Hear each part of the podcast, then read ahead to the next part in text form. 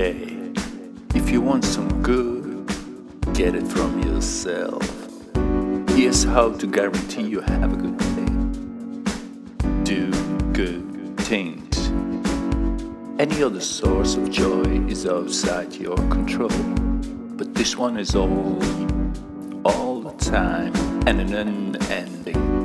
It's the ultimate form of self reliance.